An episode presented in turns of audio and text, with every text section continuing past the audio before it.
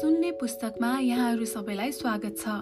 म सोनिका मानन्दर आज यहाँहरूको माझमा सेकेन्ड्री एजुकेसन एक्जामिनेसन एसइईको मोडल क्वेसन सेट्सहरू लिएर आएकी छु।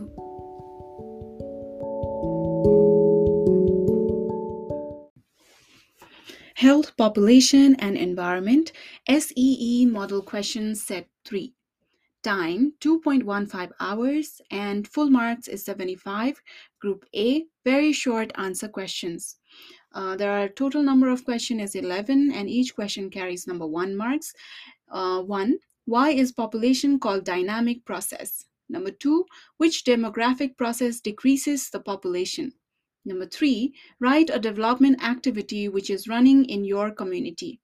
Number four, in which place Bhawar region is situated. Number five, how many levels the HDI is divided.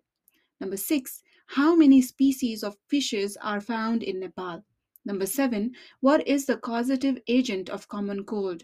Number eight, define the abortion. Number nine, what is meant by reha- rehabilitative health services? 10. Write the full form of WHO. 11. Write any one preventive measure against electric shock. Group B, write short answers of the following questions. Uh, there are nine number of questions. Each question carries four marks. 12. Illustrate the relationship of health, population, and environment education in physical aspect. Explain. 13.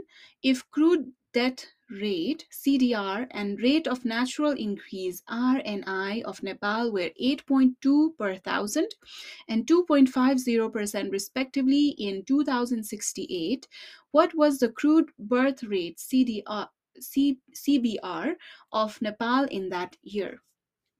Sorry, there are a lot of printing uh, mistakes here, so please bear with me. Number 14, industrial development is considered as a backbone of national development justify it with the statement with needed uh, for, for the development of Nepal. 15. How do you minimize the effects on ecosystem of hilly regions? Give any four suggestion. 16. Why is health regarded as one of the important element of quality of life among all? Describe it.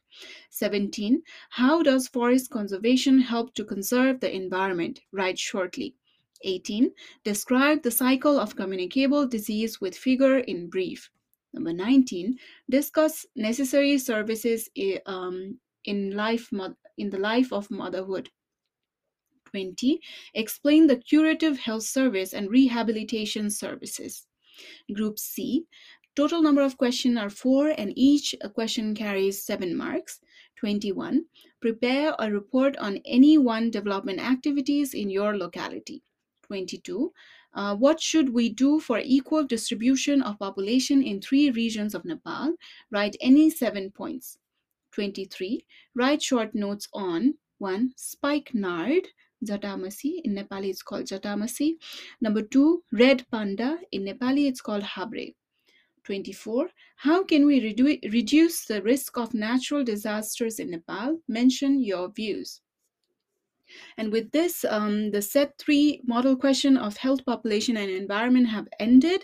Uh, all the best for your exam. If you feel this will be helpful for anyone in your network, please feel free to share. And if you have any um, suggestion on the next uh, recording, please also comment below. Thank you.